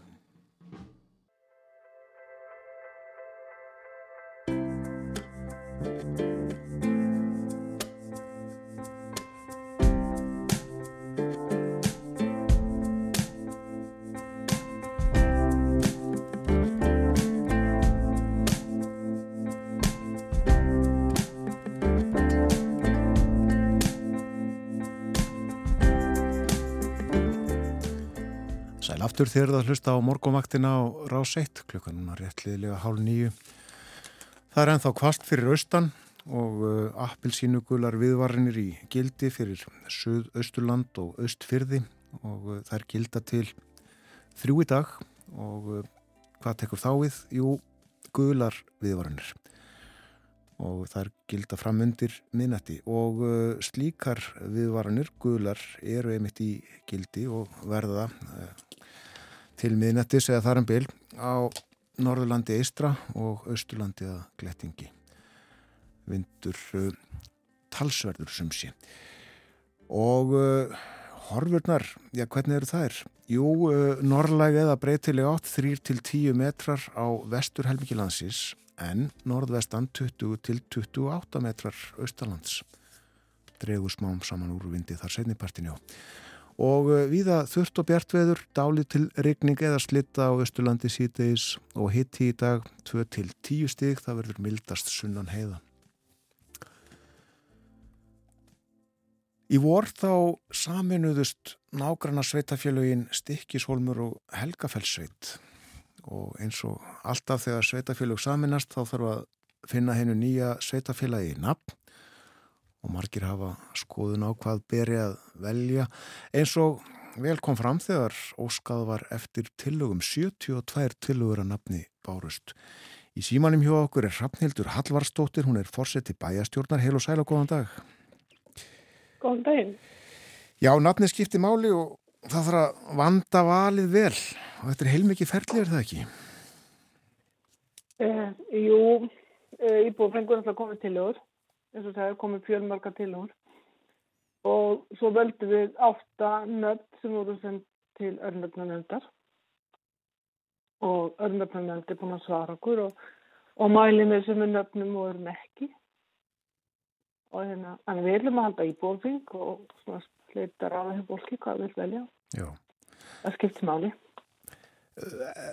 Hveða lögin á um það að örnefna nefnd þurfi að uh, veita sitt álit? Við getum ekki nota hvað sem er sko. En við svo sem, þurfum kannski ekki enn til að fara alveg nokkur eftir þessum svegi en, en hérna við tennum rétt að fara eftir því sem hún leggur til og hún mælir alveg sömur nefnum og leggur leggst gegn öðrum mælir til dæs með tórsnestingi mælir með Stikkinsons bæ og, og hérna mælir með sveit sko á meira móti til þess beðið að fara bær, beðið að fara byggð af því þá erum við að nota svona við náttúrulega erum ekki við líki, sko það er fleiri sveitafélag við sem lík, líkjum að beða verði en það er svolítið frekja við ætlum að taka það. Kannski notuðu það nátt þegar við erum saman fleiri sveitafélag Já. Amet. En þetta er svona óþjótt þetta Stikisólmur og Helgar sveit og það, það er það svo sem vissilega en við höfum verið að nota það. Svona til bráðabæra frá því að samningum er samtíð. Stikisólmur og Helgafellsveit. Já, Stikisólmur og Helgarsveit er Stikisólmur bæri Helgarsveit þeir verður svona leggs gegn þeim nefnum, þetta er bara að þetta óþjótt og punktu vögum. En ég, ég veit að ég, sko, ég ætla ekki að segja hvað nafn ég myndi velja. Það vil maður heyri íbúinum um það. En það skiptir máli hvað, hvað verður ofan á núna en við, við höldum líka og vonum að, að það verði áframaldandi saminningar og, og þess að lítum á að þetta nafn verði kannski bara til bráður Já, einmitt. Tölum aðeins um Þórsnærsþing það er ekki víst að allir átti sig á hvers vegna það kemur til greina. Stegg sem stöndur alltaf Þórsnærsþing þessu sem tekt og, og, og hérna örnöfni nýsta Þórsnesi er stikisólmur og á Þórsnesi var, var hérna, er, er helgafell sem var margir ekki margir gengi á helgafell. Og, og hérna þar var lengi tingstar í forn á Þórsnesing þannig að já, já. það er þingvellir það er nefnilega þingvellir mm -hmm. já. Þú þekki þá eða ekki? Og jú, gerða. Já, þú ert úr Helgafellsveitin er það ekki en hefur búið lengi í Stikisólmi? Já, ég er upp alveg á Þingull. Já, Þingullum í Helgafellsveit, já, það er mitt. Já, uh, en þú nefnir frekar í saminningar, eru mm. slíkar viðræður í gangi? Já, við, hérna, við fórum hérna í Dalabíð síðan ári og, og hérna rættum við þá og, og, og vegna þess að það hefur sínt áhuga á að samlast hingað og um, svo komum þeir að heimsækja okkur.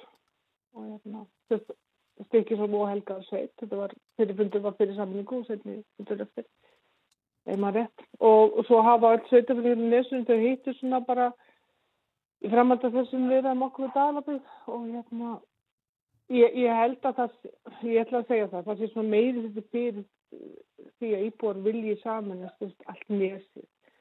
Við, við erum fá og, og þetta eru lítið sveitafélag og verkefni sveitafélag er mjög stór. Þannig að við teljum það að það verður betra að vera, vera starri, starra sveitafélag. Já. Engu tíman. Ég held að Helga Sveit Stíksson svo saminninga að það verður bara fyrst að skriða. Og uh, svo höfum við Grundafjörð, uh, mm -hmm. líka Snæfellsbæ sem er nokkuð stórt sveitafélag nær þarna yfir stóran hlutastæðfellsnesins og, og svo er þarna auðvitað eigi á miklaholtsreppur sérðu fyrir þeirra þessi sveitafélug fjögur saminist og jafnveg líka dalabygð um, Ég veit ekki veit ekki hvort að nú er ég bara að tala til lofti sko, ég veit ekki hvort að saminning svona stóru svæði myndi endilega hefna, suðumir segja sko Vesturland alltaf yfir eitt sveitafélag og, og hérna kannski endur við það einhver tíma en, en hvort að næsta skref er annarkvæmt inn í dali eða svo við fyrir fjalli eða út af nesið Það skal ég ekki alveg segja í dag. Það, það er engar, engar formlega viðraður í gangi núna en bara ég heyri þá íbúum að, að, að, fleiri en farri vilji, vilji við höldum bara áfram og, og hérna stekku sveitafélag og það verður kannski einu. Kannski verður endur við að verða bæri að byrja að fara að byrja. Já. Það var kosið um saminningu Snæfellsbæjar og Eija og Miklaholtsreps eða ekki í vettur síðastlið. Jú, Já. jú. Og hún fælt. Og svo saminningu að fælt. Já, já, Eigi á mikla seppur er alltaf lítill seppur já. og snæðisbar er, er náttúrulega saminnaðar af nokkrum sem eins og voru minni, Ólusík og Hellis og og Og rif og fleiri. Já, Já. og pappaður. Já, við fylgjumst með þessu, en um, er þetta talsvært mál að saman að sveitafélög? Ekki tilfelli. Við höfum það unni saman mjög lengi. Bönnur Haugasveit hafa gengið í skóla hérna stíklum síðan 1974 til dæmis. Já. Og hérna, Já, svo lengi. já. Og, og bara einhvern veginn mörg sammeili verkefni sem ég sem ég þarf upp á fengullum og bjóð þar til samtis og, og einhvern veginn upplifið ekki að það fyrir sveitafélag sko. Og flytt ég setna að búin að búa hér í 35 ári um þykrum og hérna, og þetta, mínum huga er þetta eitt svæði. Já, einmitt. Það, það er ekki svo rígur á milli, ekki, ekki, ekki Ekkert vesen. við vinnum meira saman heldur en hitt og, og hefur auki, auki verkefni við vinnum saman við vinnum með samanlega byggjumfylgur og, og skiplasfylgur ásamt eigi og miklu að seppa og grundarabæja vísa segir manni, þú veist verkefni verður svo mörg. Við, sko, öll, allt lesið e, sveitafélagum lesinu reyka saman skóla og félags og skólaþjónustu sem að er starft fyrir allt lesið til dæmis. Við sjáum hvað gerist í þessu, en aftur aðeins á nafnamálunu, uh, í- uh, hvenar verður íbúaþingið? við erum ekki alveg búin að dagsetja að verður svo þarna og hérna við viljum bara endilega hve- bara hvet íbúið til að mæta og, og ræða saman hvaða nafn viljum við velja Þess að það skiptir alltaf máli en lísum er það sem að fyrst og fremst stórsýtlulegt nafn Byggisólmur verður áfram til Helgalsveit verður áfram til en, en svona eitt sammeilegt nafn spilum við að velja sko Já, og það er verkefni sveita stjórnarinnar að ákveða þetta. Þetta er ekki þannig að þetta verði borið upp til að atkvaða einhverja tilvöður. Nei, eftir íbúa fundi þá reiknum við með að ákvörðum við tekin. Það er svo. Og er líklegast núna að uh, það verði þá uh, valið á milli Þósnest Þings Stikisólmsbæjar og sveitafélagsins Stikisólms? Ég, ég veit ekki. Uh, margir vilja nota helgaðsettarnafni áfram. Helgaðsettarnafni er náttúrulega miklu eldra endur stikisólmur. Það, það er hérna sem að stikisólmur ekki til, þetta er bara helgaðsett sem segja það. En hérna En þeir mæla ekki, örnöfnum mæla ekki með nafnum helgaðsveit en, en talum við helgaðsbyggð eða sveitafélag helgaðveld en það áttu koma nýtt nafn. Þannig að það, það er af möguleikum og vonum bara náum við sátt um eitthvað nafn sem við, ætlum að nota, við veitum ekki hvað lengi en, en hérna, ég vona að verði bara sátt um það. Já. Og ég, ég upplif ekki fólk sé mikið að argast yfir sig en, fólk hefur skoðun sér betur. Einmitt. Segjum þetta gott á þessum málum í bíli. Eh, Þú já, eh, býrði í Stikishólmi en eh, vinnur í Grundafyrði. Er Mhm. skólamestari fjölbrutaskóla Snæfellinga. Segð okkur aðeins frá lífinu þar og tilvörinni. Annað gott dæmum samvinnu sveitafélag á nesinu, það er þessi skóli. Það er bara starta samvinnu verkefni sem að, sem að sveitafélag hafa unni saman að vinna að stopna þessa skóla. Stók til starfa 2004 og hefur, já, breytt tölvist miklu hérna á svæðinu. Nefndur fara náttúrulega hljúka stúdinsprófi hér heima og ef að, að nefn fara ekki heima fyrir 19-20 ára þá er meður líkur að þau séu búin að festa rætur og komi aftur heim fyrir búin að sækja þeim nám annars það. Og það hefur alveg, alveg reynslun alveg, alveg hérna, það hefur fjölgað í öllum sveitafölum á að unga fólk er að koma heim aftur og, og hérna leikskólar og, og grunnskóla fullir og, og þessi aldur samsending breyst. Þessi, gott dæmi um, hérna, það er gott þegar sveitafölu vinna saman. Einmitt. En við, en við erum alltaf, þetta er ekkert stór skóli, við erum 215 skáði nefndir núna. og hérna af því er stór hluti fjár nefndur af því að, að hérna, það er svona fáur nefndur í, í síðustu ágangum en, en hérna Þannig það eru margir krakkar sem að, að fara í gegnum framhaldsskólan bara heima í herbyggi eða hvað? Já, eh, na, já, nei, þetta er náttúrulega líka sko, þessi fjármyndur þeir eru kannski að bæta við sér, þeir eru í öðrum framhalskólum og eru að bæta við sér áfangum sem það vantar eða, eða er að drífa sig að ljúka útstofun eða eitthvað.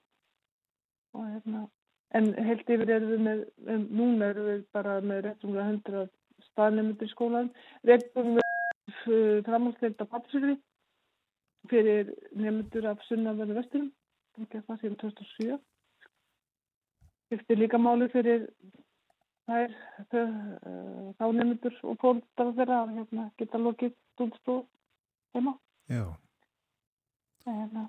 Það, já, þetta, þetta er svona, svona framhanskóli er byggðarmál. Það sést alveg svo greinilega á þessum skólu. Og löngu komið í ljósa að þetta var hárreitt ákvarðin. Já. Já. Og sér, við erum bara í með fullt ús af góðu fólki. Já. Mentum, kennurum og hérna. En fjölbreytaskóli Snæfellinga tegið sig út á norður á, á, á vestfyrði, segir þú, já. Já, framhaldið er að patisölu. Og hérna, og þessi, við erum með framhald fjarnimutu bara um alland. Það var mjög vilt í dag, nýjustu tekni. Var uh, rétt ákvörðin að stitta framhaldsskólanum eitt ár að þínum mati? Vita ekki. Vi, við sjáum svolítið og söknum þess að, að okkur finnst að nefndur okkur hafi minni tíma til að taka alls konar uh, valafanga. Uh, þeir eru bara svolítið, þetta er svolítið þétt prógram sem þurfa að ljúka þeirra árum. En, en hérna, já, við þess svolítið. Okkur finnst þau vera bara nýbyrju þegar við farum frá okkur. En, en, en ég skil alveg rauksöndina fyrir þessu. En, hérna, ég veit ekki. Má kannski reyna að stilla þetta eitthvað betur af? Já, kannski. Ég, ég segir hendar alveg, alveg hérna heiklust á fólkarfundum mínum að það er ekkert að því að ljúka á þremur og halv ári. Þetta eru, eru það marga reyningar og nefndu koma mismöndi undirbúinir og grunnskóla og sem er þurfa bara þrjú og halvt ári. Það er allt í lægi. Þetta þryggjára hérna þessi stryggja umræð, hún er, hún er svolítið svona, hérna, fólk er bara að hugsa það fleirin, fleirin hérna við, að þrjú og hálft ári, jafnveg fjögur, er alveg bara nóg fyrir sumanemndur. Þannig að það kannski... Fyrir, fyrir ykkur meðal nefnda sem aldrei hefur fundið. Þannig að það er kannski að hugsa þetta meira þannig að, að nefndur farið þetta á sínum hraða. Já, ég, ég, við þurfum að gera það, þessi, þú, hérna, þau byrja í áfengum eftir í hvernig þau standa sér í grunnskóla og, og það er alltaf alls konar sem við þurfum að vinna þessu það sem, það sem ná ekki að klára það og þá þurfum við meirinn þú og það, það segir því bara sjálf Já hmm. Ertu komin í vinnuna eða ertu heima í hólminum? Við erum heima í dag námsmattdagur í dag við gefum umsöknir til svo venn það sem að kennar að gefa nefndur umsöknum segja um hvernig það gengir í náminu Já og þannig ég vinn heima í dag sem er, sem er já, mjög veld í dag. Vi, vi, við fórum í létt með, hérna, ekki bara þetta að segja þetta svona, við fórum í með að finna kennslu í COVID þegar allir nefndu voru sendir heim. Hérna, við erum ákveðlega tækni búinn og, og færi að kenna þérkennslu og við gerðum þessu. Gott, gott. Þakkaði fyrir spjallið, spjallið um skólamál hér en uh, tilefnið fyrst og fremst nafnamálið, hvað á nýja sveitafélagið að heita, við fylgjumst með þessu þakkaðir innlega fyrir njóttu dagsins. Bara takk. Bless, bless. Bless. Þetta var Hannildur Hallvarsdóttir, fórseti bæjastjórnar í Stikis, Holmsbæ og Helgafellsveit og skólameistri fjölbreytaskóla Snæfellinga.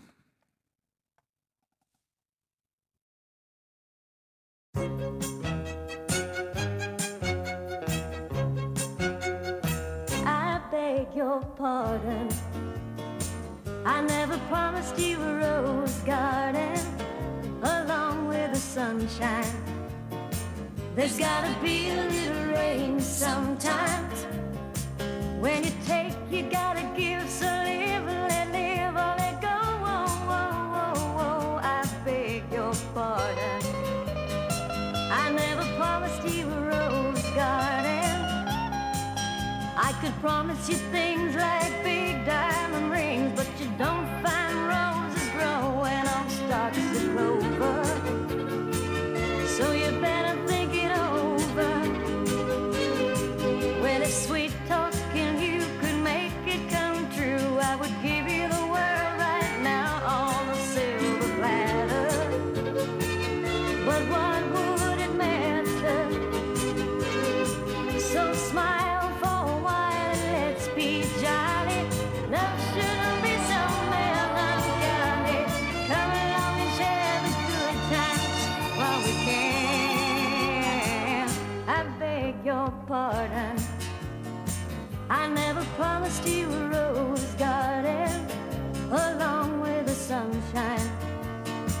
There's gotta be a little rain sometime.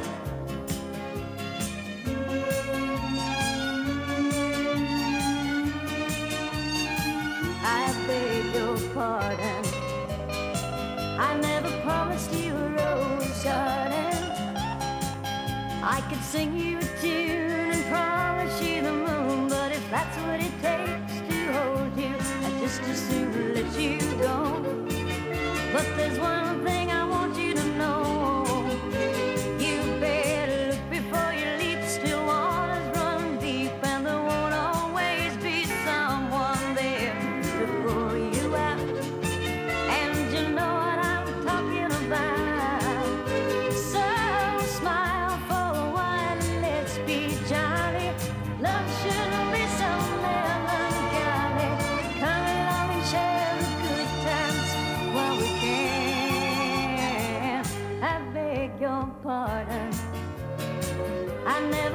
promised you a rose garden along with the sunshine. There's gotta be a little rain sometime. I beg your pardon. Þetta var Lynn Andersson, sveitasöngkonan fræga. Hún fættist 20. og 7. september 1947 fyrir 75 árum. Fættist í borginni Grand Forks í Norður Dakota en lést 2015 67 ára. Og uh, við hlustum á annan smell. Hér er uh, Tony Christie.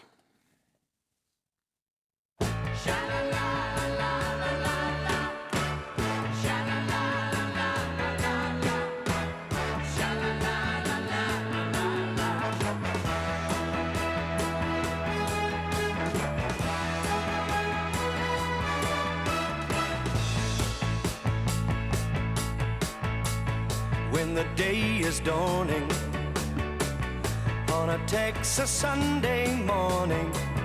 How I long to be there with Marie, who's waiting for me there.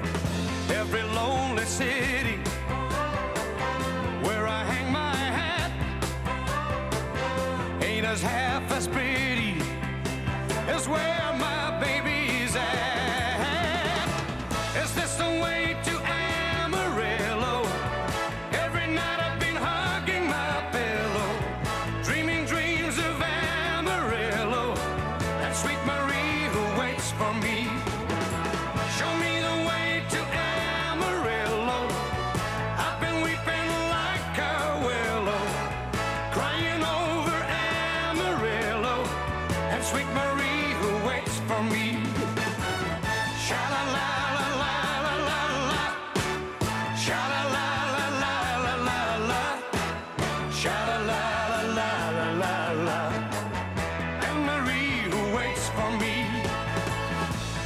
church bell ringing. Hear the song of joy that it's singing for the sweet Maria and the guy who's coming to see her just beyond the highway. There's an open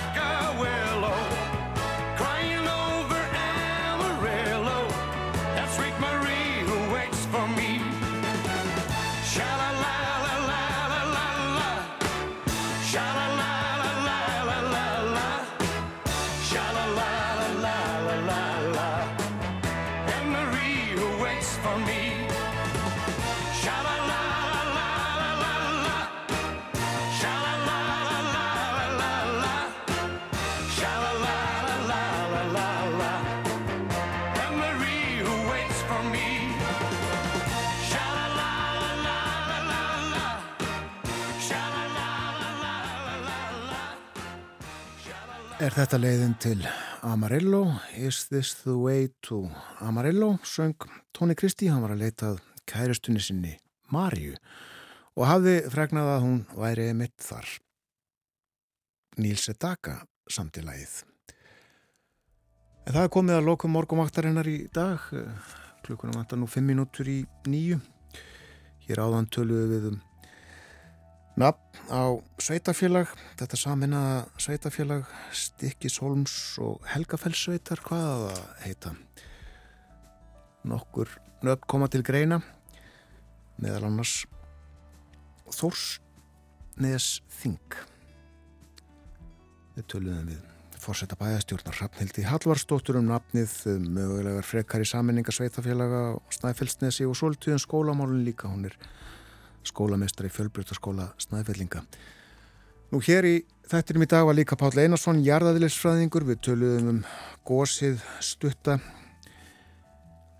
á Reykjaneskaga í ágúst, gósið í fyrra líka og eldri, miklu eldri gós og veltum fyrir okkur hvað minni gerast á næstunni á Reykjaneskaganum.